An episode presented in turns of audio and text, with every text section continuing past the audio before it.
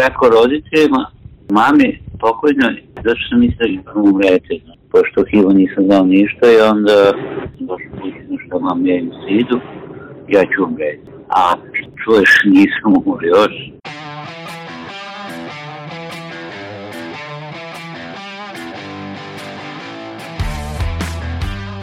HIV virus otkriven je tokom druge polovine 20. veka i vodi poreklo iz Afrike.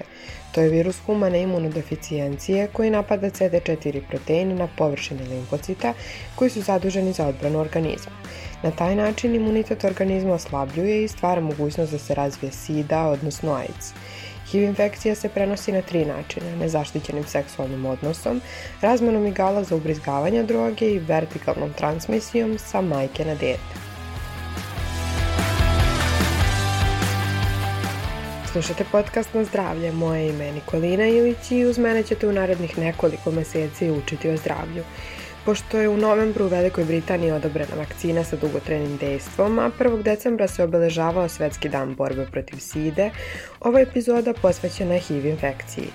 U ovom izdanju razgovarat ću sa predsjednikom Udruženja Crvena linija, Goranom Kljajićem, sa čovekom čiji HIV status je pozitivan, a koga ćemo u ovoj epizodi zbog anonimnosti zvati Kosta, kao i sa izvršnim direktorom Nacionalnog centra za seksualno i reproduktivno zdravlje Potent i savjetnikom za prep terapiju i jedne metode suzbijanja HIV-a, Bratislavom Prokićem. Sa njima ću razgovarati o tome zašto je bitno da se osoba sa HIV infekcijom i SIDom ne setimo samo 1. decembra, šta donosi nova vakcina, ali i o tome kako izgleda život sa HIV-om. Često sam kroz razgovore sa vršnjacima primetila da se termin HIV infekcije i SIDE brkaju ili poistovećuju. HIV i SIDA nisu isto. Veliki problem je to što nisu samo mladi ti koji ne znaju razliku. Dugi niz godina o ovom problemu se priča samo početkom decembra, a problemi sa kojima se suočavaju HIV pozitivni i stigmatizacija ove bolesti obolelih sve češće se samo guraju po tepih. Goran Kljajić, predsjednik udruženja Crvena linija, kaže da je njihova misija unapređenje položaja i života osoba koje imaju HIV. On nam objašnjava i vrlo bitnu razliku između HIV-a i AIDS-a stvari kad neko se inficira, on je znači ima HIV infekciju. I uh, virus humane imunodeficijencije, znači HIV. Usled uh, inficiranja dolazi do slabljenja imunog sistema. Međutim, ako osoba koja ne zna, na primjer, svoj HIV status, nije upoznata, to vremenom, znači, njegov imunni sistem može usled e, infekcije da slabi, pošto se, naravno, virus umnožava u organizmu i samim tim, e, kako slabi organizam, on može dovesti do toga da osoba dođe u stadijum AIDS-a, to je SIDE, gde je skroz oslabljen imunni e, sistem, svake osobe i onda se javljaju te neke oportunističke infekcije gde čovek naravno onda u tom slučaju se lakše uh, razboljeva i samim tim ovaj, može dovesti do smrtnog ishoda. Vrlo često osobe zaražene HIV-om trpe razne vrste diskriminacije, odbacivanje, izopštavanje iz društva, mobbing na radnom mestu i slično. Sve te društvene predrasude utiču na mentalno zdravlje HIV pozitivne osobe. Neretko su ljudi premalo informisani ili potpuno neinformisani o načinu prenošenja infekcije, podbijaju svaku mogućnost bilo kakve vrste socijalizacije sa HIV pozitivnima. Znači u određeno vreme popiš da gledate i živiš normalno. Osim dve pilule koje Kosta popije ujutru, dan mu se ne razlikuje od mog ni od vašeg. Dok je ova emisija bila samo ideja i kada sam pokušavala tu ideju da podelim sa drugima, usledili su komentari poput čuvaj se ili ako budeš razgovarala sa nekim ko ima HIV obavezno stavi rukavice i masku i drži distancu. A zamislite samo kako bi se ta osoba osjećala da ja dođem sa maskom i sa rukavicama na razgovor. Zamislite samo kakav je to udarac za nekoga ko pokušava da živi normalno u svetu u kom ga svi odbacuju zato što nije isti kao svi. A zapravo to jeste. A sa druge strane, zamislite samo koliko toj osobi znači kada se neko obhodi prema njoj kao prema svim ostalima. Jer ona i jeste kao svi ostali jer je deo naše zajednice. Zamislite koliko bi HIV pozitivnim osobama društveno prihvatanje pomoglo da sami sebe lakše prihvate. Izvršni direktor Potenta Bratislav Prokić kaže da je trenutno jedna od ključnih stvari razbijanje stigmatizacije HIV infekcije.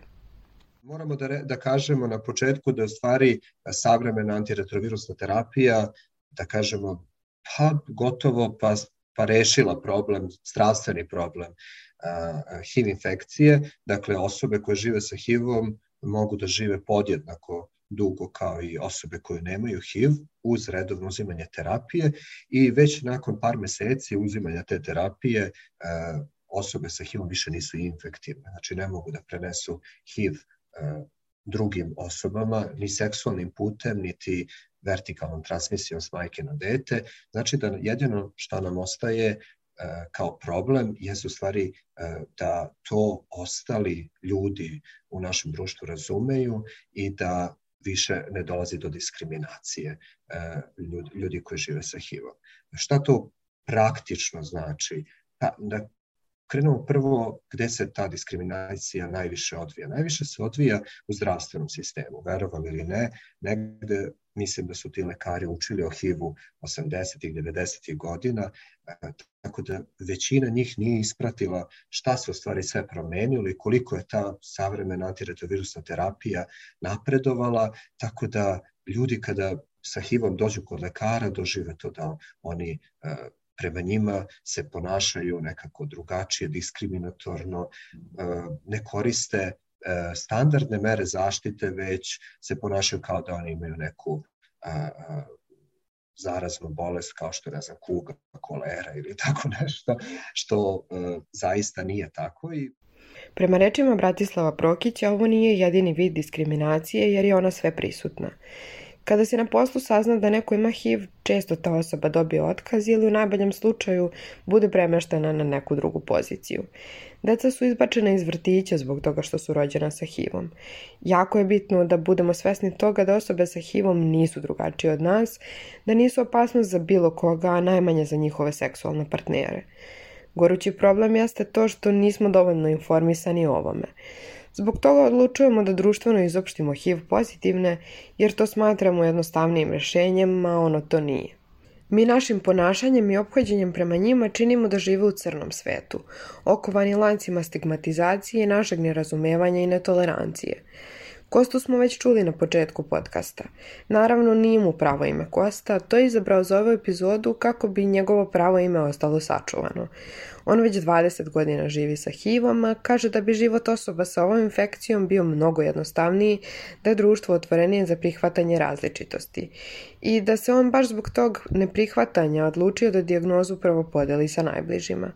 Nakon toga mu je trebalo mnogo vremena i hrabrosti da stane pred druge ljude, ljude koje ne poznaje kako bi sa njima podelio svoje iskustvo. A ja se auto davnih dana u crvenoj liniji pa smo imali neku obuku za srednju školu. I on su traži neko ko će da, ko je HIV pozitivno da mi, da im priča. I onda Goran me pita da li bi steo, ne znam ko je bio strašni meni ili njima, jer znaš što to su decu, 15, 16, 17 godina, ne znam ja koliko imali. Ali ja veliko ustao i kaže, smijem se zagrši. Ja kažem, pa ako ti ne kojiš, jer nijedan socijalni kontakt ne može da imaš tri vrste prenošenja HIV-a i više ništa. Sve drugo je ono lupanje po tarabi. Najčešći put prenošenja HIV infekcije su nezaštićeni polni odnosi.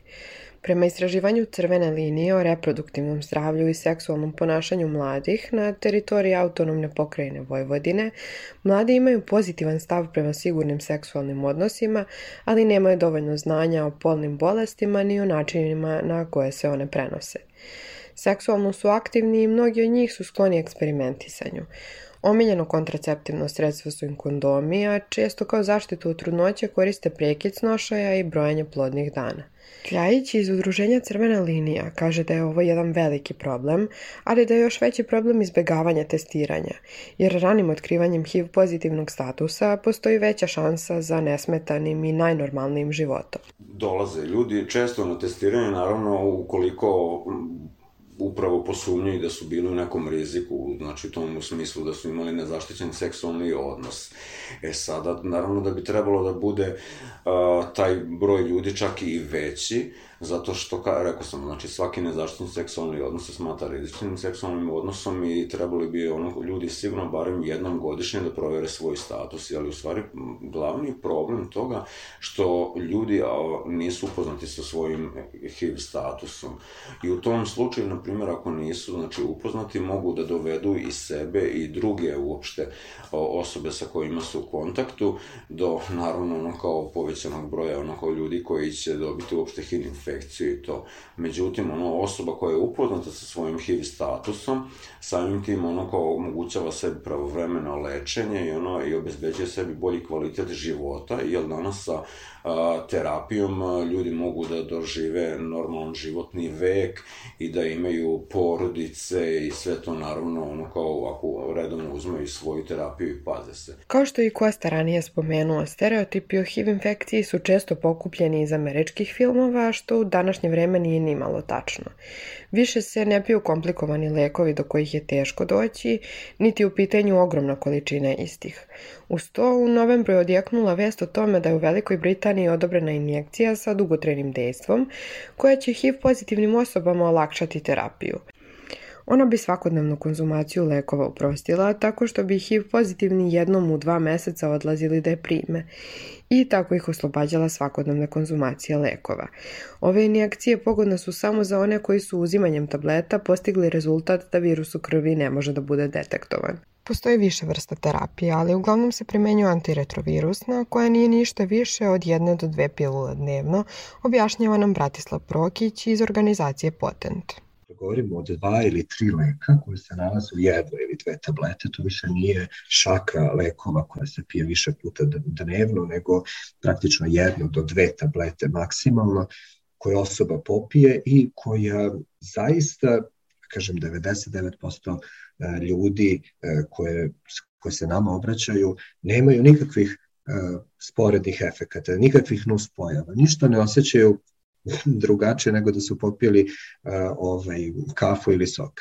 Dakle, vrlo jedna konforna, savremena uh, terapija. Šta ona radi? Pa to ja bih mogao da objasnim praktično kao da su to neki blokatori oni blokiraju u stvari enzime te virusa, e, odnosno njegove mehanizme da se on razmnožava u našem organizmu, odnosno u tim CD4 limfocitima, to su dakle te memorijske ćelije imunskog sistema. Međutim, antiretrovirusna terapija se može koristiti i kao prevencija. Tada je u pitanju takozvana preekspoziciona profilaksa, odnosno PrEP terapija, a Prokić je stručnjak u ovoj oblasti taj lek se uzima pre i posle seksualnog odnosa i praktično osoba se zaštiti od HIV infekcije. I to pre svega da kažemo, najčešće uzimaju ljudi koji su pod pojačanim rizikom, dakle, su, ko seksualni radnici imaju više partnera, ukoliko su, imaju nezaštićene analne seksualne se tu ubraju muškarce koji imaju seks sa muškarcima. Dakle, ljudi koji znaju da nekako imaju mnogo više šanse da dobiju HIV, mogu da uzimaju taj PrEP, takozvani, i takođe mogu da se jave i nama u potentu da ih uputimo dalje kako da dođu do te terapije. Pored PrEP terapije prisutna je i postekspoziciona profilaksa koja je nešto kao pilula jutro posle. Uzima se dan nakon nezaštićenog polnog odnosa i pije se mesec dana da spreči zaražavanje HIV-om. Nijedna od ovih terapija naravno nije zamena za kondom. Trenutak saopštavanja pozitivnog HIV statusa sigurno je težak i lekarima, ali i pacijentima kojima se u tom deliću sekunde život menja iz korena. Za njih tada počinje borba života. Suočavanje sa samim sobom, prihvatanje sebe sa time, a veliki je problem kada ne znate gotovo ništa o infekciji. Kosta je imao 42 godine kada je saznao da je HIV pozitivan. U trenutku saznanja svog statusa bio je slobodan, međutim posle nekoliko meseci je smogao snage da nazove svog bivšeg dečka i javi mu da treba da ode da se testira. Nakon čega je i njegov bivši partner saznao da je HIV pozitivan. Ceo svet se sluša. Nisam znao ništa i kažem jedno sam pretpostavio ću jako brzo preti i to je to. Znači trebalo mi naj, bar ja mislim, jednu godinu dan da koliko toliko se stabilizujem da stanem, ajde kažem na novo. Nikad sam mi saopštio, ja sam samo rešio da ću se ubiti da neću da dočekam da umiram tako u proznim mukama i meni samo to kroz glavu prvo automobil koji sliče moj. Međutim, ja uvek kažem da li Bog, djavo, neko jeste, rekao sam, ajde vidimo šta ćemo dalje. Mnogo problema prati osobe zaražene HIV-om i zbog toga to nikada nije samo infekcija. Najčešći su problemi sa prihvatanjem njihove seksualne orijentacije, problemi prihvatanja u porodici, a mogu da budu i emotivni i socijalni problemi. HIV se i danas, posle toliko godina u društvu, najčešće karakteriše kao gej bolest. I veći problem od zdravlja jeste prihvatanje društva, jer, kao što smo već rekli, sa adekvatnom i redovnom terapijom HIV pozitivni nisu prenosioci infekcije. Metafore ranije povezane sa HIV-om su dopravo tome da se HIV tako ovaj, negativno doživljava iz razloga zato što je prvobitno bilo vezano i u najčešćem broju slučajeva za neke rizične grupe kao što su muškarci koji imaju seks sa muškarcima, seksualne radnice, intervenski korisnici droga i samim tim ono ljudi su onda smatrali kako je to svako ko je dobio HIV u stvari neko neodgovorno ponašanje. I danas je na, nažalost ostala ta neka slika da je HIV negativan i onda upravo iz tog nekog negativne slike celokupne kao HIV-a ljudi imaju taj neki strah onda da se odazovu i uopšte odu da se provere ovaj svoj status i da se testiraju misleći kao posle sad kad neko sazna onda naravno da ću ja biti ovaj da kažem isto stigmatizovan, diskriminisan i to je. Tako da je taj strah glavni zašto ljudi u principu slabo se možda odazivaju ov, da se testiraju da provere svoj status. Kako je Elton John rekao, HIV izaziva bolest, ali pandemiju izazivaju nejednakosti, predrasude, strah i slično. Mi ne bismo imali toliku epidemiju kada bismo ljude oslobodili straha, predrasuda i kada bi se tako oslobođeni odgovornije poneli prema sebi i prema drugima. Kosta kaže da 1. decembar mrzi, da mu je od njega muka zbog toga što se i dalje samo taj dan priča o HIV-u. 1. decembra mu se usija telefon od poziva novinara koji žele da dobiju izjavu i popune informativni deo svog programa. On je saznao da je HIV pozitivan 2001. godine. U vreme kada je saznao nije bilo toliko informacija i udruženja koje pružaju podršku HIV pozitivnim osobama. Tada je Kosta mislio da se od HIV infekcije umire.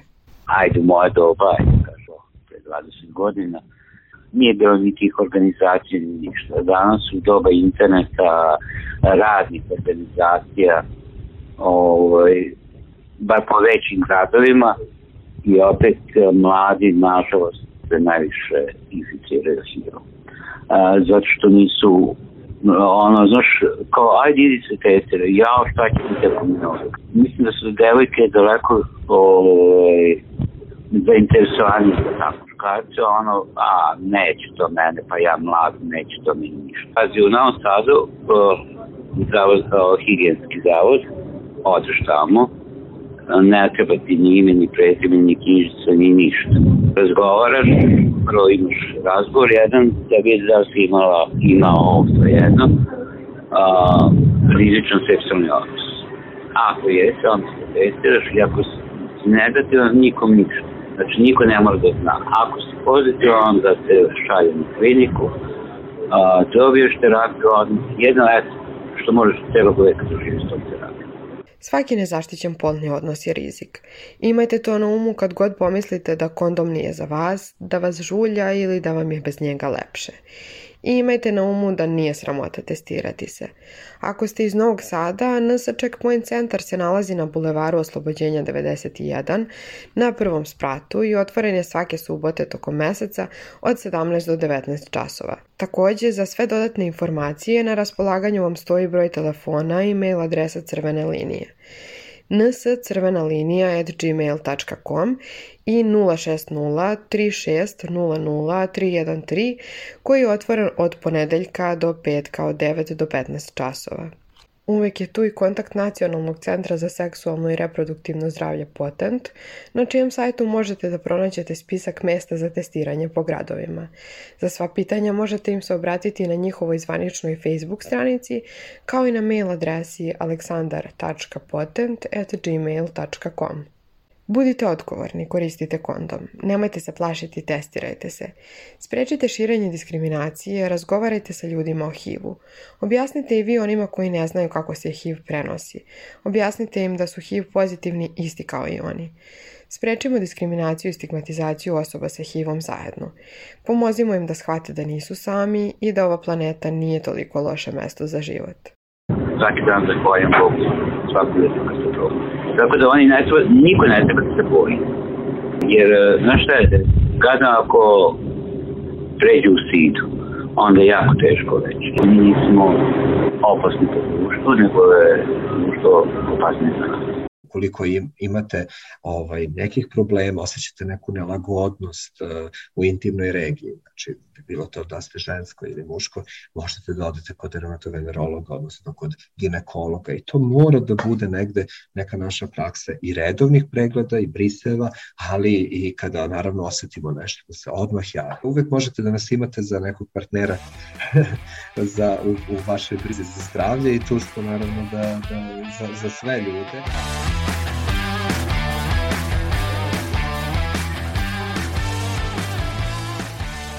Slušali ste podcast Na zdravlje. Moje ime je Nikolina Ilić, a u ovom izdanju razgovarala sam sa predsjednikom udruženja Crvena linija, Goranom Kljajićem, sa čovekom čiji HIV status je pozitivan, a koga smo u ovoj epizodi osuđavali sa Kosta, kao i sa izvršnim direktorom Nacionalnog centra za seksualno i reproduktivno zdravlje Potent i savjetnikom za prep terapiju Bratislavom Propićem. Podcast možete poslušati na sajtu Fabrike kreativnosti, Spotify-u, Podcast RS-u, Sounder FM-u, kao i na Google Podcastu. Hvala vam na pažnji i pozdravljam vas do sledećeg slušanja. Produkcija Fabrika kreativnosti